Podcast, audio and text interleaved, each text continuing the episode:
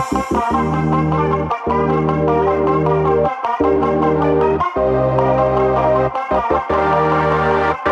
hey hey, welcome to Tea Fantasy Podcast. За манайха юу яцгаана? Удаан хугацааны дараа шинэ үйлрлийн эхний дугаараар уулзж байгаадаа таатай байна. За тэгээ бүгдээрээ энэ хүү хүнд хэцүү пандемик хөлөөрөний үеэр эрүүл их байгаа гэдэгт итгэлтэй байна. За тэгээд манай Монгол дотроо коронавирусыг алдсан учраас хөл өрөө тогтоож байгаа. Дөнгөсөө явсан мэдээллээр дахин 10 хоногор сунгаж 12 сарын 11 хүртэл хөл өрөөг сунгасан гэсэн ийм одоо мэдээлэл авлаа. За тэгээ бүгдээрээ аль болох гэртээ байж ойр дотныхан болон өөрийгөө хамгаалж тэ гадуур хэрвээ гарах шаардлагатай болох юм бол маска зүүж, бэлий өмсөж өөрийгөө болон хайртай хүмүүсээ хамгаалаасай гэж хүсэж байна. За тэгээ мэдээж энэ хүү одоо гэртээ байгаа үед биднийг өгжөөх, бидний дуртай амиа их цаг алгах тэ энэ хүү одоо зүйл маань нэмэгдэж байгаа. Тийм учраас мэдээж одоо Америкт коронавирусын алдар бол улам ихсэж байгаа. Улам хүрээгээд хэлж байгаа. Гэсэн хэдий ч NBA маань 12 сарын 22-нд шинэ үйлрэлээ эхлүүлэхээр товоо зарлаад одоо бэлтгэл ажилдаа ороо явж байгаа. За тийм учраас одоо бидний одоо хамгийн дуртай сагсан бөмбөг NBA маань төд үзүүлгүй иргэн ирэх нь гэдэг одоо баяртай мэдээтэй бас хүлээж байна. Тэгээд өмнөх үйлрэл өмнөх дугаараас хойш маш олон зүйл NBA-гийн ертөнцид мэдээж болсон. За тийм учраас өнийг хурангаулаад нэг ярих юм бол энэхүү одоо пандемикаас шалтгаалаад NBA маань Орландод буюу Диснейлендийн Бабл өөрийнхөө одоо плей-оффыг хийж аварга тодруулж амжилттай дуусгасан байгаа. Өмнөх хөлөрлийг мэдээж өмнөх хөлөрлийн аваргаар Лос Анжелес Lakers баг тодорч маш олон гой гой тоглолтуудыг Баблд бид бүхэн харсан.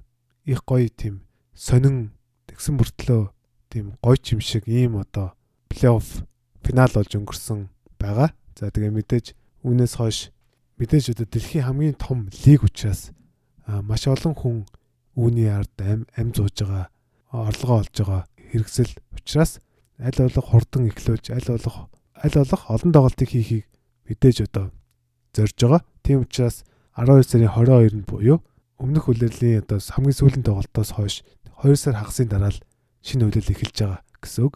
Энэ нь болохоор э, лигийн түүхэнд байдгаа Америк спортын түүхэнд хамгийн одоо богино оф си즌 болж байгаа гэсэн ийм одоо сонирхолтой нэг бодлын гоё нэг бодлын бас онцгой тим одоо шийдвэр байсан. За тэгээ мэдээж үзэгч бидний хувьд бол мэдээж аль болох хурдан сагсаа үзэж фантазигээ тоглож те мэдээж хүсэж байгаа. Гэхдээ үүний ард бас мэдээж олон зүйл байгаа тодорхой.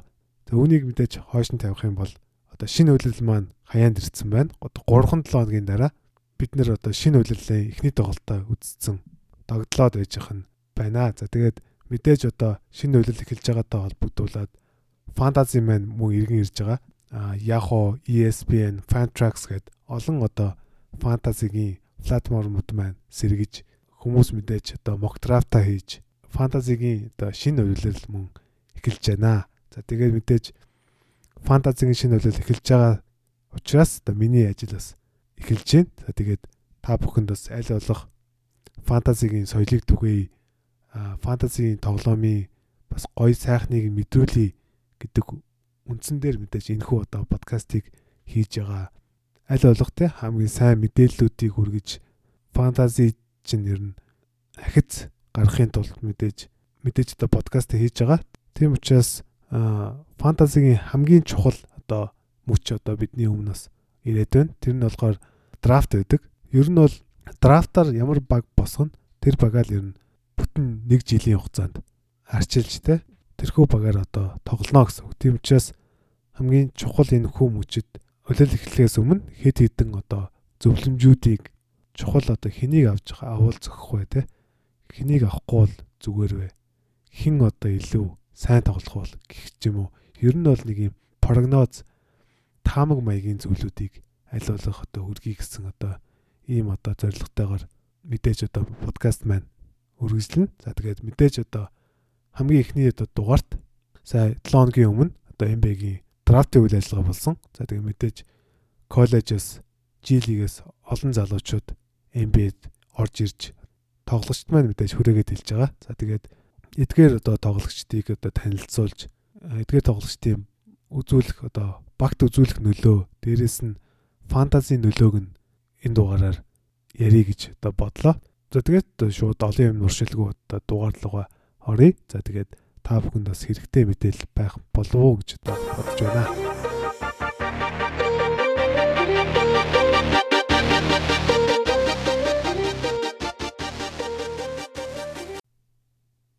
За тэгээ мэдээж одоо зөвхөн NBA Америк гэлтгүү дэлхийд даяар энэхүү одоо пандемикаас болоод зүгээр нормал явдаг зүйлүүд маань бүгдээрээ одоо өөрчлөгдсөн байгаа.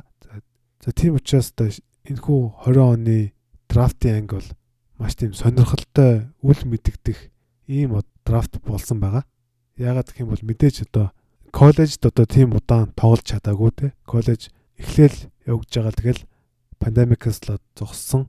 Дээрээс нь одоо Summer League гэсэн ойлголт байхгүй. Тэгэхээр одоо Summer League дээр л ер нь одоо шинэ тоглогч нар өөрийгөө таниулдаг ийм одоо чухал үлэн мөч. Дээрээс нь багуудад очиж бэлтгэл хийж бас болохгүй байсан те. Гэх зэрэгээр ер нь маш олон одоо ийм зүйлүүдээс шалтгаалаад эдгээр тамирчдын одоо мэдээлэл одоо тоглож байгаа ч юм уу ер нь маш тийм хомс ийм одоо сонин драфт байла. За тэгээ мэдээж аль болох би энд эндээс одоо гол унсан мэдээллүүдээ нэгтгээд хүргэе гэж бодсон байгаа. За тэгээ шууд одоо драфт руу орох юм бол мэдээж энэхүү одоо 20 оны драфт бол өнгөрсөн оны өнгөрсөн онуудын драфтаас муу драфт гэж юу хэлж болохоор ийм одоо драфт болсон. Учир нь өнгөрсөн онд болохоор Заян орж ирсэн те. Тэрний өмнө Лука орж ирсэн гэдэг нөгөө нэг generational talent-ууд орж ирсэн ийм одоо бас том одоо драфтууд байсан бол энэ удаагийн драфт яг тийм том тоглож бол байгаагүй. Харин энэ удаагийн драфтад болохоор эхний 3 сонголт ер нь ойлгомжтой болсон. Бусдаас арай тасарсан ийм одоо тоглогч нар байсан. За тэгээ мэдээж хамгийн эхний сонголтыг бол Minnesota Timberwolves баг хийх болсон байгаа. За тэгээд энэхүү болон сонголтоо ер нь драфтын өмнө солино гэж маш их яригдчихсэн сонголт байсан. Гэхдээ сольж чадаагүй. Жоржиагийн хамгаалагч Антони Эдвардсыг тэд нэгээр сонгосон байгаа. За тэгээ Антони Эдвардс бол мэдээж Төрний хамгийн гол том давуу тал бол одоо биеийн одоо пропорц, биеийн хүч гэж байгаа. Тэгэхээр биеэрээ болохоор яг NBA-д бүр аль хэзээний ороод ирсэн ийм одоо би физиологийн бүтцтэй гэж байгаа. За дээрэс нь түүний хувьд маш тийм атлетик залуу гэсэн одоо ийм одоо мэрэгчнүүдийн үдсэн одоо зүйл байгаа. Дээрэс нь довтлооны хувьд бол маш сайн. Самбар руу бас маш гоё орж довтолдог. Довтлооны хувьд бол тийм өөлөх зүйлгүй ер нь бол өөлөх зүйл багтаа ийм одоо тамирчаан гэж одоо онцолж байгаа юм байна. За тэгээд мэдээж одоо драфтын номер 1 сонголт болсон. Түүнд бас мэдээж баяр хүргэх хэрэгтэй баг. Сул талууд нь болохоор мэдээж шидэлт байгаа. Тим сайн шидэгч биш. Дээрэс нь шидэлтийн сонголт байгаа. Аа их буруу зэвүүдээсээ шиддэг. Дээрэс нь одоо дамжуулах юм дээр дамжуулдаг ч юм уу те шиддэг энд ийм асуудлууд бол мэдээж байгаа. Тэгээ дээрэс нь бол хамгаалт бол муутай гэсэн ийм одоо драфт аналистуудын яриа бол байгаа. За тэгээд энэхүү залуу бол Миннесотад очдог би зүгээр хувьдаа бол Антони Эдвардсын хувьд тийм ч одоо зөв багтаа очсон гэж бодохгүй байгаа. Ягаад гэх юм бол Minnesota Timberwolves бол D'Angelo Russell гэдэг одоо гол плеймейкер байгаа. Дээрээс нь сая солилцоонд сонхоор Ricky Rubio авчирсан.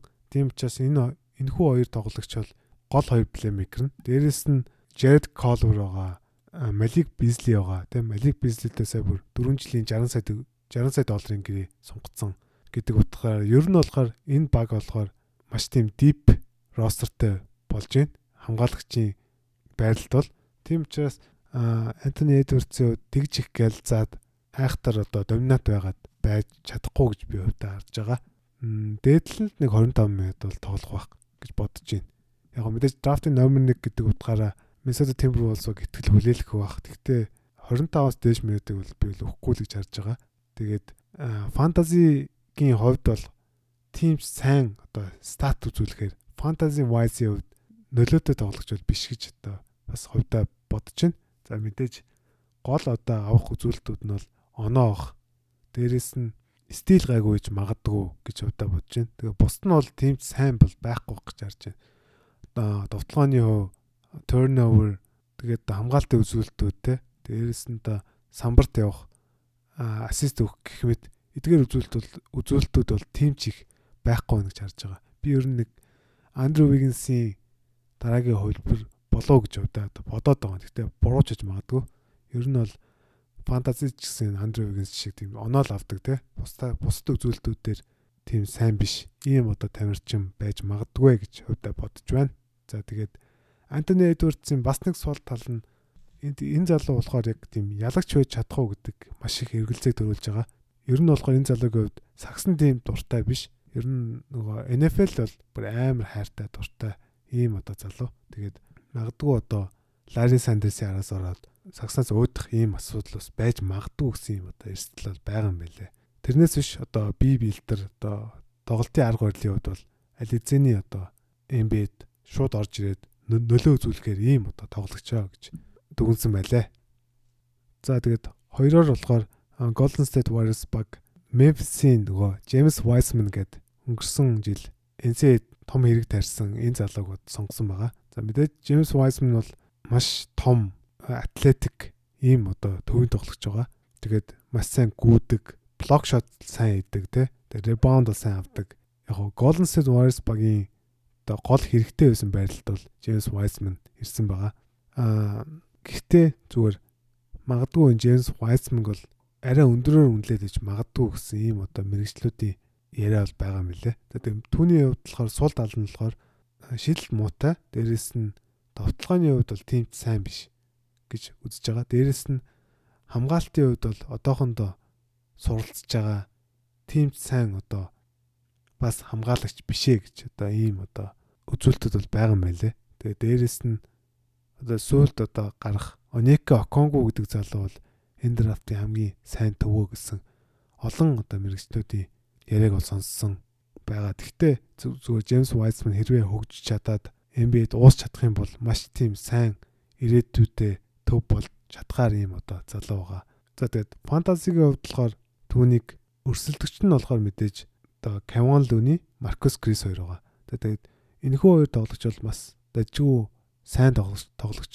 Тийм учраас Джеймс Вайсмны хувьд нэг 28-аас илүү минут бол тоглохгүй гэж би одоо харж байна. 28 ч баг ихтгэх бах. 25-аас илүү минутыг бол би үзүүлэхгүй гэж бодож байгаа. Учир нь Кевин Лүни бол хэрвээ гимтэйг байх юм бол маш сайн тоглож дээрэс нь Стив Кэр бол маш тийм дуртай их тийм ухаалаг талбай дээр одоо бүх зүйлийг хийдэг ийм одоо тоглогч дээрэс нь Маркус Кресийн нөлөө бас бас энэ багтаас өгүүлэгдэн тийм учраас магадгүй Джеймс Вайсмыг бид нэр 20 мэж харахгүйсэн байж магадгүй зүгээр эхлээд тийм учраас Джеймс Вайсмны хувьд маш тээгүү сонголох сонгох юм бол маш тийм эрсдэлтэй сонголт болно зүгээр яг дундуур ч юм уу хойгоор сонгол бол сайн самбар авдаг блок хийдэг Тэ тэгээд нэг 10 оноо авчдаг ийм одоо тоглож болох нь бол баг тодорхойлох гэж бодож байна. Тийм учраас түүнийг одоо нэг 10 оноо 10 самбар 2 блок үзүүлээд байх ийм одоо чадамжтай төв.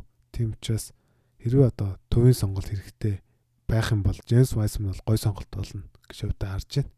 За мэдээж драфтын 3 дахь сонголтоор Charlotte Hornets баг энэ драфтын одоо хамгийн алдартай хамгийн од тоглогчийг сонгосон. Тэгээд тэр нь бол мэдээж боолын ах トゥ усын хамгийн бага нь Lamela Ball байгаа. За тэгээд Lamela Ball-ийн хувьд болохоор ер нь их удаа хугацааны турш яригдсан энэ боолын гэр бүлийн хамгийн авьяастай хамгийн сайн тоглогч болно гэдэг ийм одоо хүлээлттэй байсан залуу байгаа. Тэгээд мэдээж түүний хувьд одоо коллеж тоглолгүй шууд Австралийн лиг рүү явж тэ томчуудтай тоглож илүү бас туршлага сууж ирсэн байгаа. За тэгээ мэдээж Түүний хамгийн гол давуу талууд нь бол мэдээж түүний өндөр байгаа. А холтон тоглогчийн байрал тоглолтын мөртлөө өндөр нь болохоор 6 7 хагас гэж байгаа. Тэгэхээр 6 7 хагас гэдэг бол маш өндөр. 3 дээр тоглох те. Заримдаа бүр намхан 4 дээр тоглогч ийм одоо боломжтой юм өндөр байгаа. Тийм учраас түүний одоо энэ урт өндөр бол маш том давуу тал болно гэсэн ийм одоо хүлээлттэй байгаа. Дээрэс нь мэдээж түүний болохоор үнэхээр гайхалтай дамжуулагч гэж байгаа. Тэгээд талбайг бол үнэхээр сайн хардаг. Үнэхээр сайн дамжуулдаг. Мэдээж Лонзо шиг те. Аа дахиад нэг давуу тал нь болохоор ийм товтлогоонд ийм нөгөө нэг креатив байдлыг их үүсгдэг. Тэр нь болохоор одоо дамжуулдаг, дээрээс нь одоо товтлого үедээ товтлждаг ч юм уу те. Ийм бусдаа ийм гоё креатив байдлуудыг гаргаж өгдөг ийм тамирчин гэж одоо үнэлэгдээд байгаа юм байна. Тэгээд мэдээж за залалт бол үнэхээр гайхалтай. Тэгээд хурдан товтгоонд их хурдан шилжиж чаддаг гэдэг бас ийм давуу тал байгаа юм лээ. Тэгээд мэдээж давуу талууд бол их олон байгаа залууд а сул талуудыг ярих юм бол мэдээж гурван шийдэлт байгаа. Гурван шийдэлт бол тийм сайн биш. Ер нь бол их муу шийдэгч гээд байгаа. Лонзоогоос ч муу гэд байна лээ ер нь бол. Тэгээд а дээрэс нь болохоор шийдэлтийн сонголт юм маш муутай гэж байгаа. Тэгээд маш тийм холоо шийддэг. Эсвэл хүнтэй байхдаа шийддэг ч юм уу те. Тийм хизэн шидэх вэ, хизэн шидэхгүй вэ гэдгээ сайн мэддэггүй юм. а shot selection муутай гэж одоо яригадаад байгаа юм байна лээ. Тэгээд дээрэс нь болохоор мэдээж хамгийн гол нь бол хамгаалт маш муутай гэдэг. Энэ болохоор маш над үнэхээр сонирхолтой санагдаад байгаа. Уул нь юм өндөр тоглогч тэгээд холтон тоглогчийг одоо өөрөөсөө дандаа намхан тоглогч нар байгаа шүү дээ. Тэгэхээр тэрийг хамгаалахад уул нь илүү идэж уугаад те сайн хамгаалах боломжтой ч гэсэн ер нь хамгаалалт бол маш муутай тийм итгэхгүй дээрэс нь пик н ролын хамгаалалт бас муутай ойлгодгүй гэсэн юм одоо ярианууд бас гараад байгаа. Тэгэхээр хэрвээ энэ залуу хамгаалтаа сайжруулж чадахгүй бол бас нэг тийм бааст болж магадгүй гэсэн одоо ийм хүлээлт бол байгаад байгаа. Тэгээд бусдаар бол үнэхээр гайхалтай ийм залуу. Тэгээд нөгөө боолын гэрүүлч өөрөө одоо тэр шидэлтийн техник бол маш нэг сонин штэ тий. Тэгээд шидэлтийн техник нь бас нэг ийм сонин ах шиг штэ. Тэгэхээр энэ шидэлтийн техникээ одоо засахгүй бол бас л одоо юм бэ сайн шидэгч болно гэхэд бол үнэхээр хүнд харагдж байгаа. Лонзо бол одоо сүүлийн үед бол маш их шидэлтийн бэлтгэлээ өөр болгоод ер нь одоо их зүгээр болоод байгаа шүү дээ. Тэгэхээр шиг шидэлтийн бэлтгэлээ сайн хийх хэрэгтэй байна. Түүний хувьд болохоор NBA-гээс харьцуулж байгаа тамирчид болохоор Джейсон Вильямс, Пит Марович, Кайри, Остен Риверс гэдэг одоо ийм маш сайн дотлооны тамирчдыг бол харьцуулаад байгаа юм байна лээ. Тэгэхээр хэрвээ энэ залуу элит болж цаашаа одоо том тоглогч суперстар болъё гэвэл мэдээж хамгаалалт бол маш хэрэгтэй гэж одоо харагдаад байна.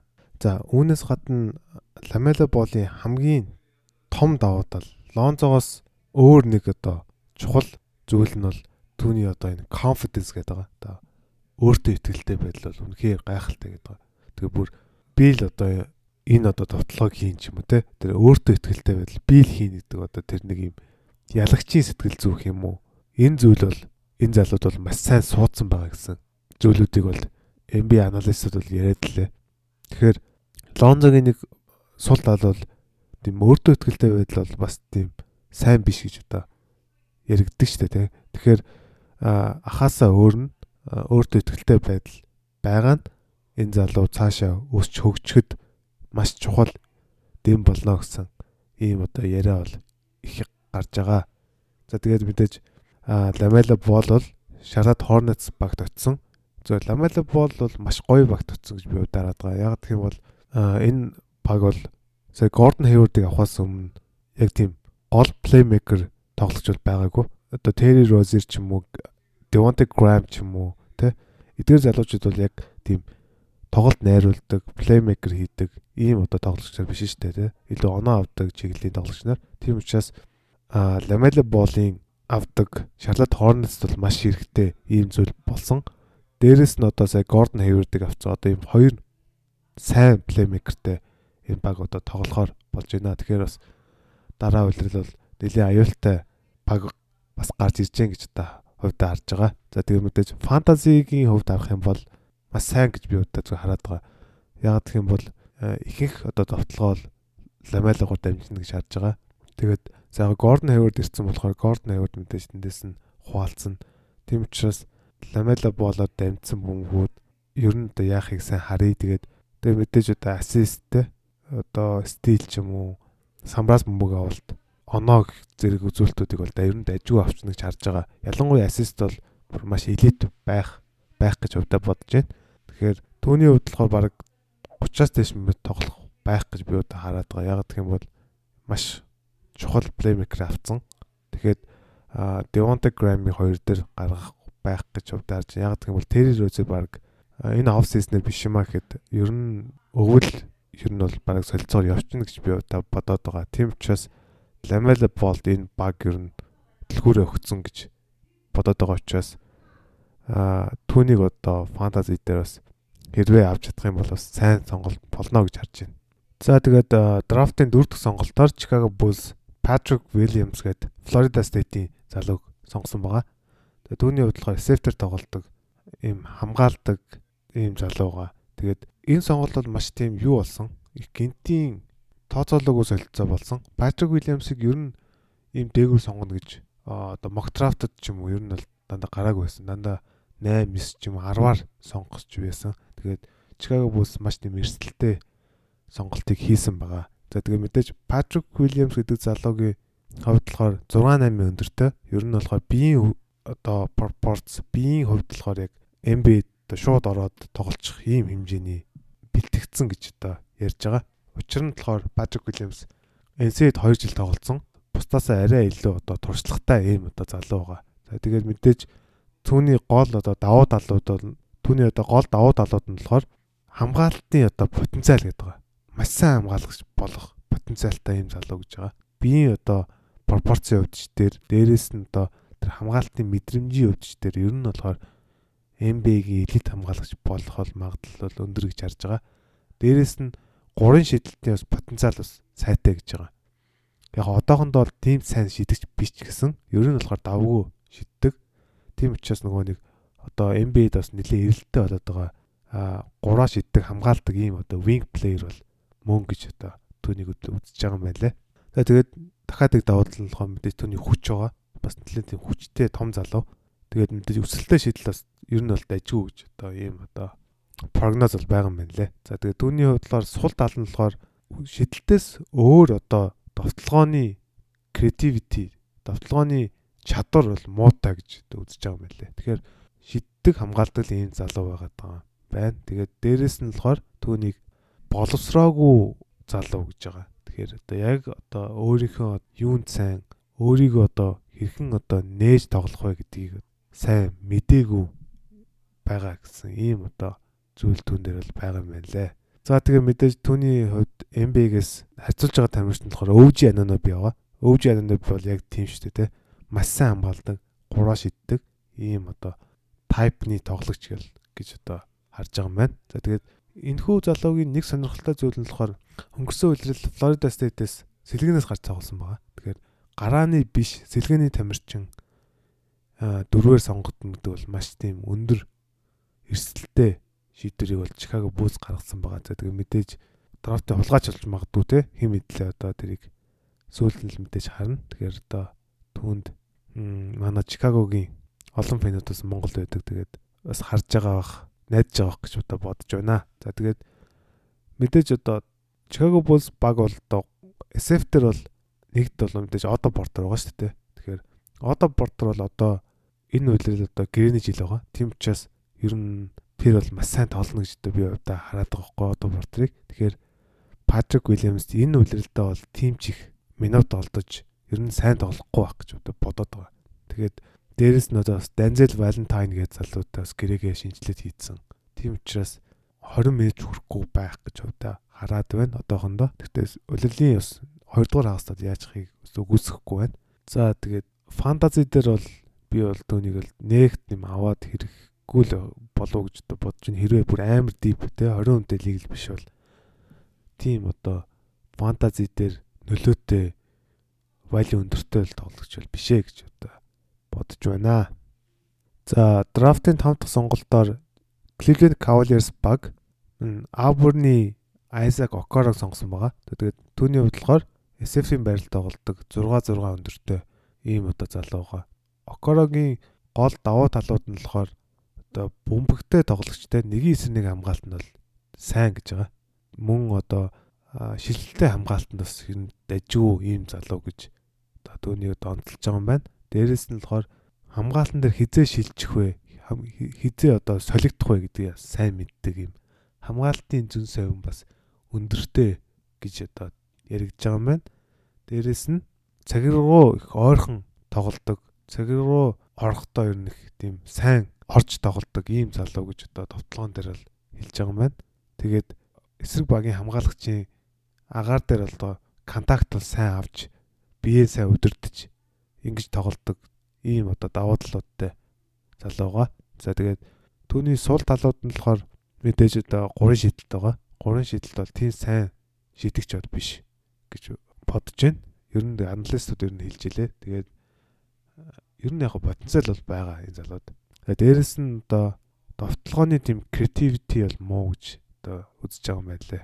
За тэгээд NBA-гээс тоглож харьцуулж байгаа нь Маркус Март, Стэнли Джонсон, Тони Аллен гэдэг бүр маш сайн хамгаалагч нар одоо яригдж байна. Тийм учраас Cleveland Cavaliers баг бол SF дээр бол өөрөө тиймч сайн хүмүүс бол байхгүй гоо штэ. Тэгэхээр Isaac Okoro магадгүй гараанд гараад хамгаалтыг нь гол хүн болоод тоглох магадлал бол өндөртэй гэж одоо хувьдаа харж байна. За тэгээд Cleveland Cavaliers баг ер нь Isaac Okoro гэдэг залууг авсан. Ер нь болохоор яг энэ тав дээр сонгосон хамгийн сайн хүнээр нь баг авчуу гэж хараад байгаа. Учир нь мэдээж сая өмнө хэлсэнчлэн Түүний хувьд өмнө хэлсэлчлэн SF төр тийм сайн сонголтууд байхгүй. Одоо Chedi Osmond л ирнэ хамгийн дэжгүүн байна. Тийм учраас Isaac Okoro магадгүй ирээдүйд одоо нөгөө энэ багийн одоо гол одоо хамгаалагч те гол тоглогч болоод сайн тоглохыг ер нь өгөөсгөө гэж одоо бодож байна.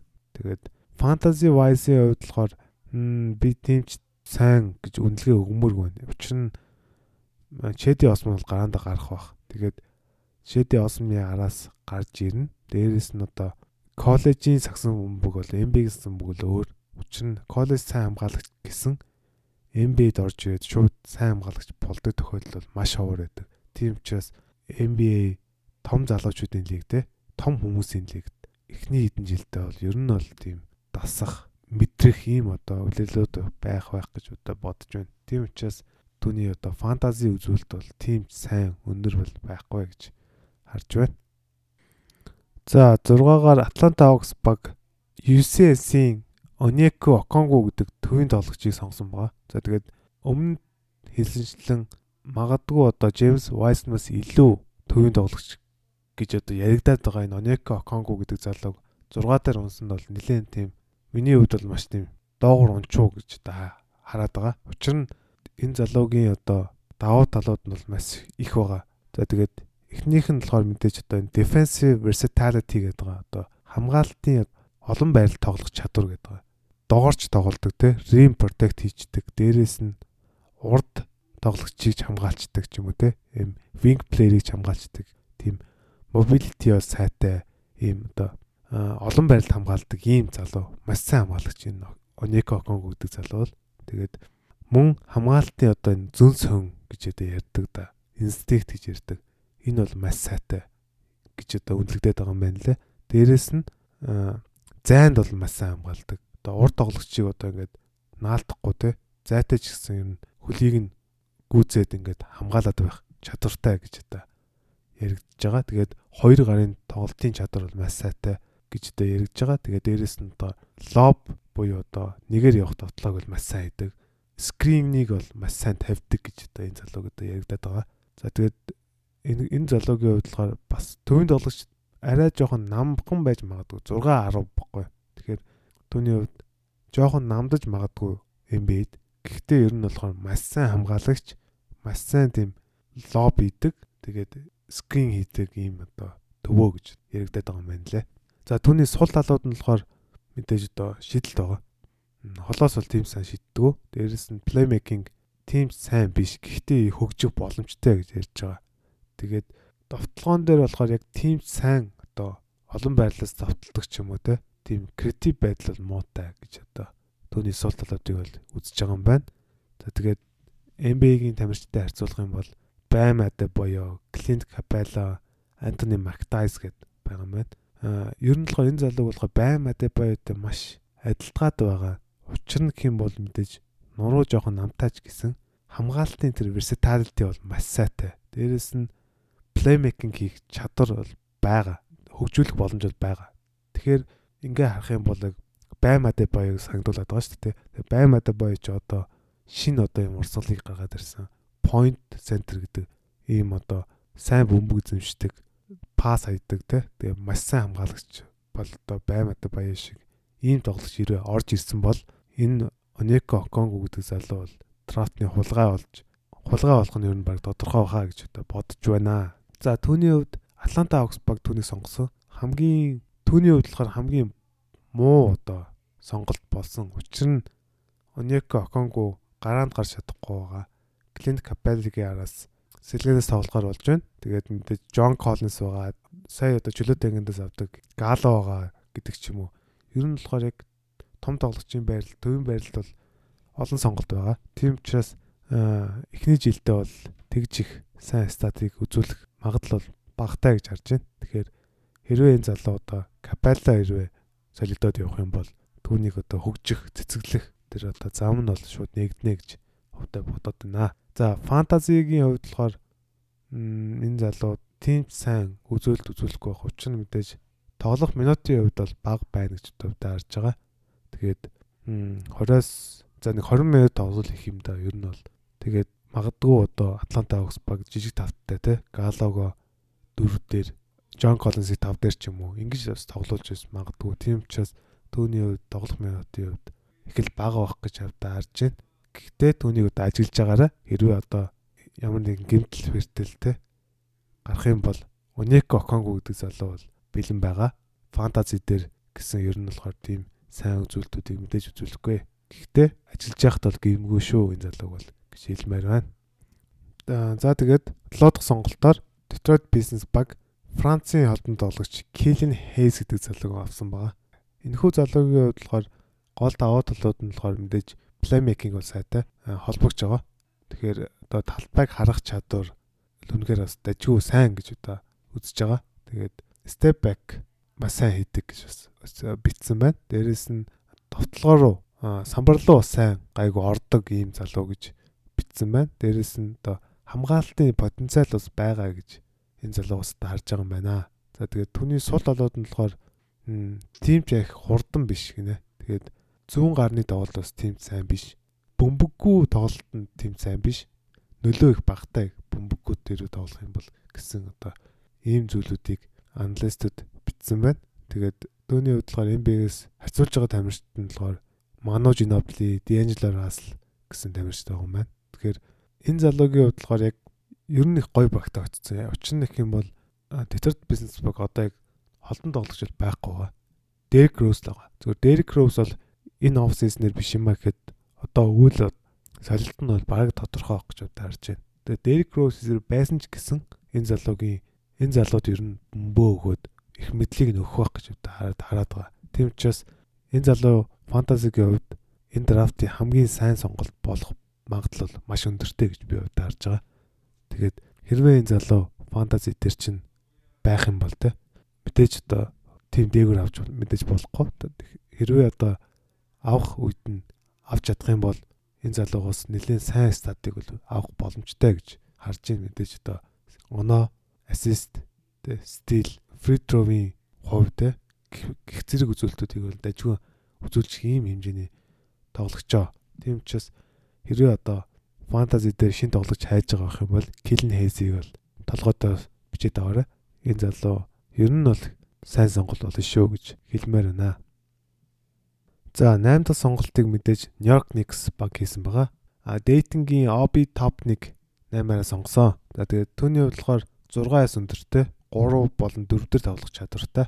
За түүний гол даваа талууд нь бол мэдээж маш атлетик юм залуу. Атлетик дээрээс нь одоо юм тесрэлт бол үнэхээр гайхалтай. Маш гой гой тоглолтуудыг хийдэг ийм үзүүштэй ийм одоо сагсан бөмбөгч байгаа. За тэгээ мэдээж товтлооны одоо креативити бол маш сайн тохоос гадна те маш зөв үедээ дамжуулдаг, зөв үедээ шийддэг, зөв үедээ ордог ч юм уу. Ийм одоо creativity бол маш сайтай. Дээрээс нь efficiency бол ер нь их дажгүй гэж үзэж байгаа юм байна лээ. Юун дээр давтгаан дээр аа хурдан учраас одоо хурдан давтгаан бол маш сайн гардаг. Ийм одоо довтлооны бол маш сайн тоглогч гэж одоо Obi Top-ыг бол мэдээж хүндэлдэг. Өнгөрсөн жил мэдээж Dayton-гийн Obi Top гэдэг залуу бол NC-д шуугуулсан шүү дээ, ер нь монголчууд гэсэн Наби Топон гэдэг нэрийг бол нэлээд тогтооцсон байгаа бах. Аа за түүний сул залууд нь болохоор мэдээж хамгаалт. Хамгаалт бол маш муутай ийм залууга. Пик н ролын хамгаалт одоо лов постын хамгаалалт, урд жумны хамгаалалт гэх юм уу. Ер нь болохоор хамгаалтын зүйлүүдийг бол маш муутай гэж одоо үнэлээд байгаа юм лээ. Тэгэхээр хэрвээ энэ залуу NBA-д сайн тоглоё гэх юм бол мэдээж одоо хамгаалтаа сайжруулах хэрэгтэй. Үгүй байх юм бол энэ залуу бол зүгээр нэг гоё довтолдог, гоё үзүүштэй. Тэгээд нэг тийм залуу болж хуурах гээд байна. Түүний одоо компер хийж байгаа NBA-гийн тоглогчтой харьцуулж байгаа тоглогч нар болох юм бол Amari Stoudemire байгаа. Amari-тай харьцуулж байгаа нь ер нь их ер нь ойролцоо харагдаад байгаа тоглолтын стил бол яг хөө илүү яг хөө шиддэг гэж магадгүй. Тэрнээс биш довтгооны болохоор маш адилхан ийм одоо харагдаад байгаа. Хамгаалтан дээр бол Амари бас тийм сайн тоглож биш байсан. Тийм учраас Амаритай харьцуулсан нь яг онсон баха гэж хувьдаа хараад байгаа. За Нью-Йорк Никс баг Оби топны сонгодог бол за муу сонголт гэж хэлмээргүй. Учир нь Оби топ 8 дээр сонгоход бол маш боломжийн. Ер нь бол зөв сонголт гэж хувьдаа бодож байгаа. Учир нь өмнө хэлсэнчлэн те хамгаалтаа сайжруулах юм бол энэ залуу элит төвчний бас тамирчин болох чадвартай ийм залууга. Тэгээд Никс баг бол мэдээж одоо PF-д бол маш их байгаа шүү дээ. Одоо Randall, одоо Obi Toppin, тэгээ сая No One-ыг авцсан. Гэт ер нь маш олон тоглогч нар байгаа. Тийм учраас Obi Toppin-ы үед Julius Randle-ийн араас сэлгэнээс гарч тоглох байх гэж хувьдаа бодож байна. Гэхдээ тэр одоо 20-с дээш минутыг бол тоглох байгаа гэж хувьдаа бодож байна. Тийм учраас товтлооны үзүүлэлтүүд те товтлооны хувь оноо самбар гих зэрэг үзүүлэлтүүдийг ер нь фэнтези л ажиг үзүүлчих чадвартай. Тийм учраас Obi Top-ыг бол фэнтезид бол сайн стат үзүүлэх нягууртай гэж одоо бодоод байгаа. Гэхдээ яахыг бол мэдэхгүй байна. Тэгэхээр хэрвээ фэнтезидээ бас түүнийг сонирхож байвал бас хаваад үзэхэд бол гимгүй гэж удаа бодож байна. За тэгээ Obi Top-ны бас нэг одоо гол юу нь болохоор Нью-Йоркийн хүүхэд байгаа. Бруклин төрсэн. Тийм учраас Нью-Йорк Никсийн фэнүүд бол маш баяртай байгаа юм билэ. Нутгийн хүүгээ драфтаас авсан да. За драфтын 9 дэх сонголтоор Вашингтон Wizards баг Израилийн Дани Авдияг сонгосон байгаа. За Дани Авди бол энэ драфтын хамгийн сайн нон Америка тоглогч буюу одоо Америк биш тоглогч гэж ер нь онтолж байсан. Тэгээд түүнийг мок драфтаар дандаа ер нь эхний 5-д бичижсэн. 4 5-д л ер нь бичээдсэн. Тэгсэн чинь 9 рүү унсан нь бол маш тийм бас нэг шок байсан. Тэгээд түүний давуу талууд нь бол мэдээж түүний өндөр байгаа. 6 9 гэдэг бол 3 болон 4 дээр тоглох чадвартай ийм залуу. Тэгээд түүний өндөр шалтгаалаад түүний одоо плеймейкинг бол үнэхээр гайхалтай гэж байгаа. Талбайг бол маш гоё харж тоглодог.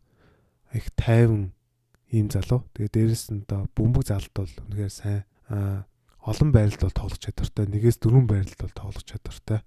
Тэгээд хамгаалтын одоо потенциал бол ер нь их дажгүй гэж удаа харж байгаа дээрэс нь одоо юм маш тийм tough гэж одоо ярьдаг англиар бол тийм хатуу чанга тоглогч гэж одоо яригадаад байгаа юм байна лээ. Тэгэхээр одоо тэр гар нь NBA-д бол дасан цогцох магадгүй ер нь дасан цогцох магадлал өндөртэй гэж одоо дайны авдыг яригдж байгаа. За түүний сул алууд нь болохоор 3 шидэлт байгаа. 3 шидэл бол тийм сайн биш. Европ тоглогчдыг харьцуулах юм бол ер нь бол муу гэж одоо харж байгаа.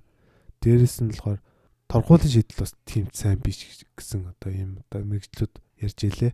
Мөн одоо товтлогооны одоо тэр Арсенал гэж одоо англиар л ярьдаг. Тэр товтлогооны одоо зэвсэг тийм их биш гэж одоо яригадаад байгаа юм байна лээ. Тэгэхээр яг товтлогооны хувьд болохоор сайжруулах хэрэгтэй юмуд бол байгаа. Мэдээж хамгаалалт бол одоо MB-д орж ирж байгаа учраас бас тийм сайн биш байх гэж удаарж байгаа. Тийм учраас энэ залуу довтлоо хамгаалтаа сайжруулахад бол элит хэмжээний тоглогч болох магадлал өндөртэй гэж одоо яригадаад байгаа. Тийм сайн залуу ер нь Вашингтон Wizards авцаа гэж харагдж байна. За тэгээд түүнийг одоо NBA-гийн тоглогчтой харьцуулах юм бол Хедо Туркогло, Дарио Шарич гэж одоо хэлж илээ. За тэгээд Вашингтон Wizards баг Дани Авдыг авсан. Ер нь бол тэгтэйчгүй шүү. Дөрвдөр, гурав дээр тоглох тоглогч бол тийм ч олон биш байгаа мэдээж одоо өнгөрсөн жил авсан Рүү Хачимур аваа те. Рүү Рүүтэй цуг гараад тоглосон ер нь болохоор болохоор ийм залууга. Тэгээд хэрвээ одоо Джон Вол иргэн гэсэн те. Джон Волыг талбайд байхгүй үед Дани Авдид бөмбөө өгөөд найруулга хийлгэхэд бол үнэхээр сайн тоглолтуудыг үзүүлэх магадлал өндөртэй гэж харагдж байна. За фэнтезигийн хувьд болохоор Дани Авдия ер нь бол тийм сайн биш. Тимч муу биш гэж гэж удаа харж байгаа. Яагаад гэх юм бол энэ залуугийн тоглох минут бол 20-оос л дээш байх байна баг.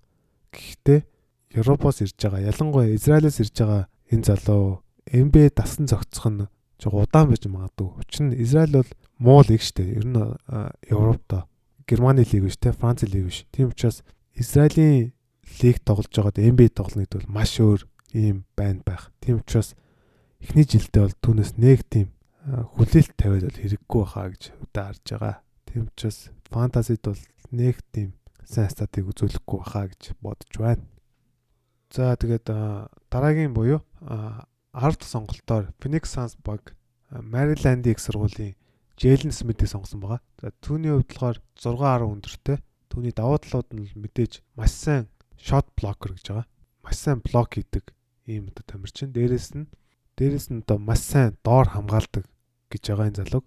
Мөн нэг давуу тал нь болохоор гураа шиддэг. Тэгээд атлетик чадвар өндөртэй гэж байгаа. Тэгэхээр энэ залууг яг гураа шиддэг, сайн хамгаалдаг. Яг тийм хоёр гол одоо ийм чадварыг бол сайн эзэмшсэн ийм одоо залууга жилнэс мэдгэж тэгээд түүний сул талууд нь бол мэдээж пик н ролын хамгаалт муутай гэж одоо яригдж байгаа. Дээрээс нь болохоор пост офенсийн тим сайн биш гэж байгаа. Тэгэхээр зөв шиддэг хамгаалт ийм залууга. Дээрээс нь плеймейкинг бол муу гэж түүнийг одоо дүгнсэн байлаа. Тэгээд энэ залууг болохоор харьцуулж байгаа тамирчид нь болохоор Serge Ibaka, Mo Bamba гэж байгаа. Тэгэхээр магадгүй энэ залуу тийм од болоод гэлцэхгүй ч гэсэн ер нь маш сайн өргөний тоглож болох чадвартай ийм залууга.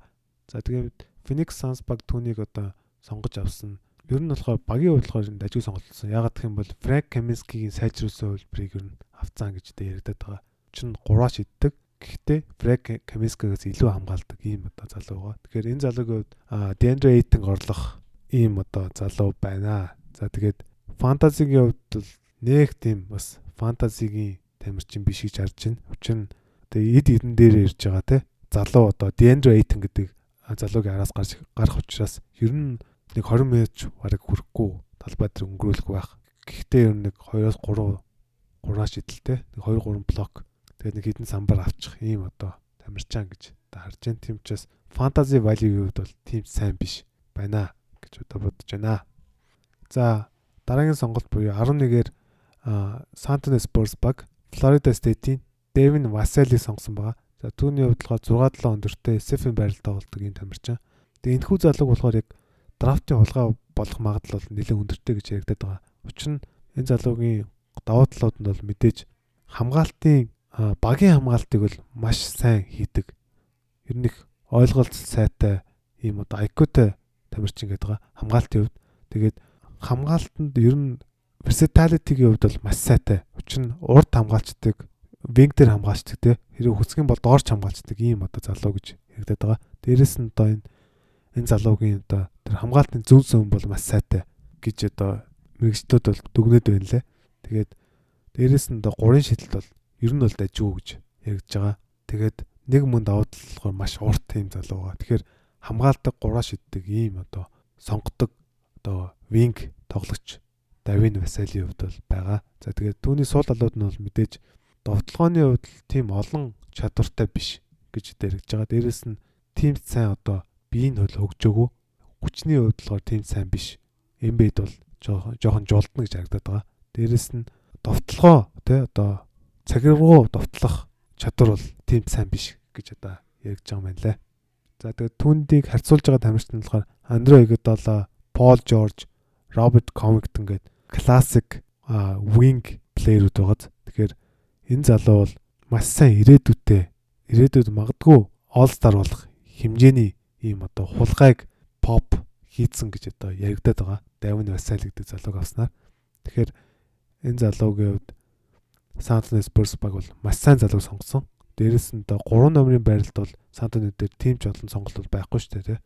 Яг гоо 3 номер дээр бол Демар Дрозен гарах ба. Учир нь одоо Дежанто Море, Дерек Вайт хоёрыг ер нь хамт нь ашиглаад ер нь бол болоод байсан. Тийм учраас магадгүй зүгээр гараанд одоо Дежанто Море, Дерек Вайт, Демар Дрозен гэдэг ийм гараал гарах байх. Тэгэхээр хэрвээ Демар Дрозны араас гарах юм бол тийм ч олон минут бол тоглохгүй байх. Гэхдээ зүгээр Поп энэ залууд бол нэлээд ихтгэл хүлээлгэж байгаа бах. Гэхдээ энэ Сантоныгийн нэг одоо муу гэх юм уу эсвэл одоо нэг юм cultural thing нь болохоор тэд нар болохоор руки тоглогч нарт тэгж олон мэд өгдөггүй. Ер нь туугийг харуул. Тэгэхээр магадгүй Давин Васалийн үед руки жилдээ тэгж их сайн тоглож олон мяуд бол үзүүлэхгүй байж магадгүй гэсэн. Ер нь бол энэ залуугийн үед та бүхэн бас тогтоогод аваарай. Энэ залуу магадгүй All-Star болох ирээдүйтэй ийм залуу шүү гэж хэлмээр байна. За тэгээд фэнтезигийн хувьд болохоор сая өмнө хэлсэнчлэн Antonio Spurs багийн тийм одоо cultureтэй ер нь болохоор rookie тоглогч нар тэгж олон байдлаар тоглоулдаг. Итгэл үлээлгддэг. Ер нь болохоор тийм учраас тийм ч сайн фэнтезигийн тоглож бол болно гэж өвдө бодохгүй байна. Тэгэхээр яг фэнтезид биш ч гэсэн түүний тоглолтыг бол үзээрэй гэж одоо хүсэх байна. За 12 дахь сонголтоор Sacramento Kings баг Iowa State-ийн Tyrese Halliburton сонгосон байгаа. Түүний хувьд 6 5 өндөртэй холбон тоглогч SG дээр тоглох боломжтой ийм одоо залуу байгаа. За мэдээж Tyrese Halliburton ер нь манайхан нэлээд сонсон баха. Учир нь э, өнгөрсөн жилээс эхлээд ер нь их яригдчихсэн. Бараг одоо драфтын эхний гуравт сонгогдох магадaltaй гэж яригдчихсэн те. Тэгэхээр энэ залуугийн хувьд 12 л бунна гэдэг бол үнэхээр сонин тохиолдол болсон. Магадгүй бас Sacramento Kings-аас бас нэгэн холгойг хийсэн байж магадгүй гэж харж байна. За энэ залуугийн одоо давуу тал бол мэдээж одоо довтлогоон дээр бол маш сайтай. Аль цэгээс юм довтлох чадвартай. Бас нэг довтлогооны бол мундаг юм тамирчин байгаа. Тэгээд түүний хувьд 6 та өндөртэй ч гэсэн маш урт юм залууга. Дээрэс нь плеймейкинг бол маш сайн хийдэг. Довтлогоон дээр одоо бөмбөгөө алдаханд бол маш багатай гэж одоо яригадаад байгаа. Тэгэхээр turnover бол тийм сайн хийхгүй байх гэж одоо харж байна. Тэгээд гурван шидэлт бол ер нь дажгүй гэж харж байгаа. Тэгээд хамгаалтын инстинкт бол сайжрах боломжтой. Ер нь ер нь энэ залуутай суудсан гэж одоо яригадаад байгаа юм байна лээ. За түүний сууд талууд нь л мэдээж довтлогоон дээр бүх цэгээс аюул тарих гэсэн одоохондоо яг боловсрож амжааг байгаа. Өөрийнхөө одоо гол нэрийн хуудас довтлоог олж амжааг байгаа гэж одоо яригадаад байгаа. Тэгээд пик н ролоос тийм сайн довтолдгоо. Нэг одоо сонин зүйл нь болохоор free throw буюу одоо тургуулын шийдэл тийм сайн биш гэж одоо яригадаад байгаа. За түүнийг харьцуулж байгаа намжт нь болохоор Sean Livingston, Lonzo Ball, Gillis Alexander, Michael Carter Williams гэдэг ер нь дэжгүй тоглогч нар байна. Тэгэхээр одоо Tyrese Halliburton бол бас ер нь бол тийм стар болох магадaltaй бас тамирчтай нэг байх гэж дараад байгаа. Учир нь нэлийн тийм авиаслаг ийм одоо тамирчин. Тэгээд Sacramento Kings баг мэдээж одоо Tyrese Halliburton авсан учраас Богдан Богдановичиг бол зүгээр шууд үнгүй явуулчлаа тий. Тэгэхээр Tyrese Halliburton гэдэг залууд бол нэлийн ихтгэл үлээлж байгаа бах гэж харж байна. За тэгээд түүний хувьд болохоор мэдээж Darren Fox-ийн араас сэлгэнс гарч тоглох байх. Хэрвээ body health суух юм бол магадгүй одоо цуг тий Halliburton хоёр дээр ингэж тоглох бол боломжтой. Тэгээ тийм учраас одоо манайхан Tyrese Halliburton гэдэг залуугийн нэрийг л тогтоогод аваарай. Ер нь бол их сайн тамирчин. Фэнтези дээр ч гэсэн тийм ч муу байхгүй байх гэж харж байгаа. Тий. Тэгээд assist оноо 3 шидэлт Тэгээд стил зэргийг бол нэлээд дажгүй хийчих магадaltaй. Нэг 20-оос дээш минутыг бол тоолж байх гэж хараад байгаа. Тэгээд юу болох юу гэсэн ойлол ихээ харъя. За 13 дахь сонголтоор New Orleans Pelicans баг Alabama-гийн холбон тоглогч Kyra Lewis Jr-ийг сонгосон байгаа. За энэ залуу ер нь бол маш сайн сонголт болсон гэж яригадаад байгаа юм байна лээ. Энэ залуугийн гол давуу талууд нь болохоор хурд гэж байгаа. Маш их маш хурдан. Ер нь бол De'Aaron Fox ч юм уу те энэ Colin Sexton ч юм уу энэ тоглогчдын хэмжээнд хүрэхээр энэ драфтын хамгийн хурдан тамирчин гэдэг байгаа. Дээрээс нь болохоор хурдан учраас хурдан нь бол маш сайн гардаг. Плеймейкинг бол дажгүй хийдэг. Гурван шидэлтийн потенциал бол дажгүй. Хамгаалалт бол бас ер нь дажгүй гэж ярьдаг байгаа. Ер нь нэг тийм сул тал багтай ийм одоо тамирчин гэж ярьж байгаа. Тэгээ сул талуудын хувьд болохоор жоохон turnover хийдэг. Дээрээс нь pick and roll дээр довтлогоог тэг сайн зохион байгуулдаг. Дээрээс нь одоохондоо ер нь түүхий байгаа. Яг гэх юм бол жоон туранхай хүч муутай гэж одоо яригадаад байгаа юм байна лээ. Тэгэхээр ер нь энэ залуу бол маш сайн залуу гэж одоо бас яригдчихэл ер нь бас нэг драфтын улгаа байл магадгүй гэж яригдж байгаа. За түүнийг харьцуулж байгаа тамирчид нь болохоор Darren Fox, Colin Sexton, Dennis Schroeder гэдэг хурдан маш сайн одоо довтлогч нартай харьцуулж байгаа. Тэгэхээр энэ залуугийн бас ирээдүй бол нэлээд гэрэлтэй байгаа. Учир нь New Orleans Pelicans баг авсан.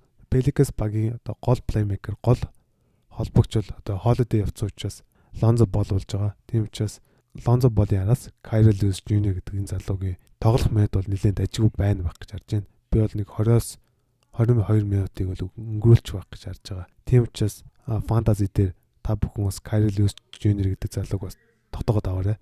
Фэнтезигийн сүүлийн одоо тойргүүдэд драфтлахад бол ер нь их дажгүй сонголт болно шүү. Хэрвээ холбогч хэрэгтэй байх юм бол гэж одоо хэлмээр байна. За миний онцлог хамгийн сүүлийн тамирчин бол мэдээж одоо лотерейны хамгийн сүүлийн тамирчин болж байгаа.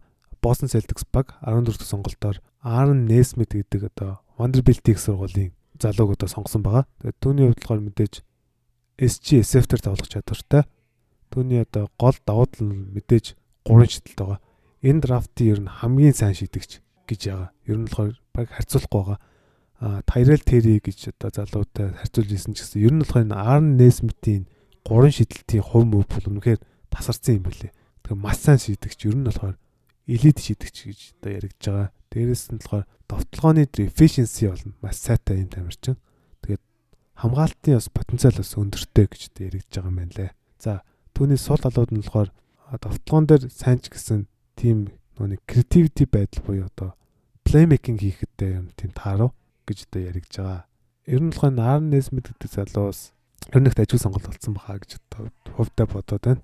За түүнийг NBA-гийн тоглогчтой харьцуулах юм бол Buddy Hield, Terence Ross, Chris Middleton, Duncan Robinson гээд цэвэр шидэгч нартай харьцуулж байгаа. Тийм учраас Boston Celtics баг магадгүй бас дутагдаад байсан те. Цэвэр шидэгчээ энэ драфтаас л олоод авцсан гэж хувьдаа харж байна. За Aaron Smith-ийн хувьд фэнтези дээр бол тийм ч бас сайн үзүүлэлт үзүүлэхгүй байхаа гэж хувьдаа бодож байна. Учир нь болохоор Boston Celtics хамгаалагчийн байралд бол хамгаалагч давтлагчийн байралд бол маш ростер бол маш тийм зузаан штэ те. Deep rosterтэй. А Tatum те. Brown өөр өөр юм байна. Гэт маш олон залуучууд байгаа те. Semi Ojile гэт олон залуучууд байгаа учраас Aaron Smith-ийн минут бол тэгж их байхгүй байх гэж харж байна. Тийм учраас яг фэнтезигийн хувьд зүгээр 3 шийдэл хэрэгтэй ч юм уу те. Оноо хэрэгтэй лигүүд багуудах юм бол бас түүнийг аваад үзэхэд бас болохгүй юм бол байхгүй гэж харж байна. За тэгээд эхний 14 сонголт нэг иймэрдүү байла. Эхний 14 сонголт буюу одоо лотерейны сонголтуудыг ер нь аа аль бол гонцлог хичээлээ. Тэгээд үүнээс ер нь доошоо ер нь биц хувьдаа юм сайн мэдэхгүй. Ер нь сайн судлаагүй юм одоо тамирчт байгаа. Тэгээд үүнээс хойш ер нь нэг дээгүүр сонгогдно гэж ярьжсэн тоглогч нар бол мэдээж Кол Антони байгаа 15 сонгогдсон. Нөгөө хим байгаа Садик Бэй гэдэг Вилновагийн залуу байгаа тий. Тэгээ нөгөө а тий 21-ээр мөн Кентакигийн нөгөө Tyrese Max яваа дээ. Энэ Tyrese Max ер нь дажгүй сонголч байна. Fantasy дээр бас харж байгаарай. Учир нь энэ залуу плеймейкер залуу шүү дээ. Кентакид ер нь их сайн тоглосон. Тэгээд Ben Simmons-ийн эцгүүд Ben Simmons-ийг суусан байна. Магадгүй одоо гол плеймейкер тоглох бол чадвартай. 20-оос дээш минут тоглох байх гэж удаа хараад байгаа. Тэг гой багтаа очсон. Энэ Tyrese Max-ийг өөд. Тийм учраас та бүхэн бас Tyrese Max-ийг бас тогтоогод аваарай. А тэгээ 24 дээр мөн Denver Nuggets баг нөгөө RJ Hampton гээд маш өндөр потенциалтай байсан тамирчин шүү дээ. Тэгээд гинт харамслаа гинтээд бүр 24 руу унтсан байна. Тэгээд Denver Nuggets баг авсан. Өөрчн а тэгээ 31 дээр нөгөө Tyrell Terry гээд Stanford-ийн бас нэг энэ залууга Dallas Mavericks авсан энэ залууг а ер нь их сайн шидэгч гээд яригдаадсэн те. За нэг иймэрдэл байна да ер нь онцлог тоглогч гэх юм бол бусд нь ч ер нь тэгээд нэг мэдхгүй л тоглогч нар байна.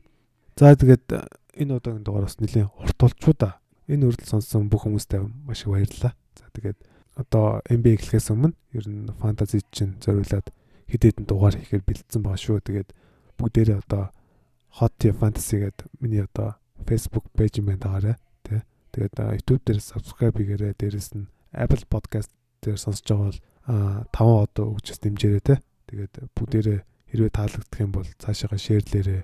Бүгдээрээ энэ одоо фэнтези гэдэг энэ гоё зүйлийг те олон хүмүүсээс түгээж олон хүмүүсийг бас шинэ хоббитой болгоод бас гоё байхаа гэж одоо бодож байна. За тэгээд дараагийн дугаараар уулзтаа баяртай.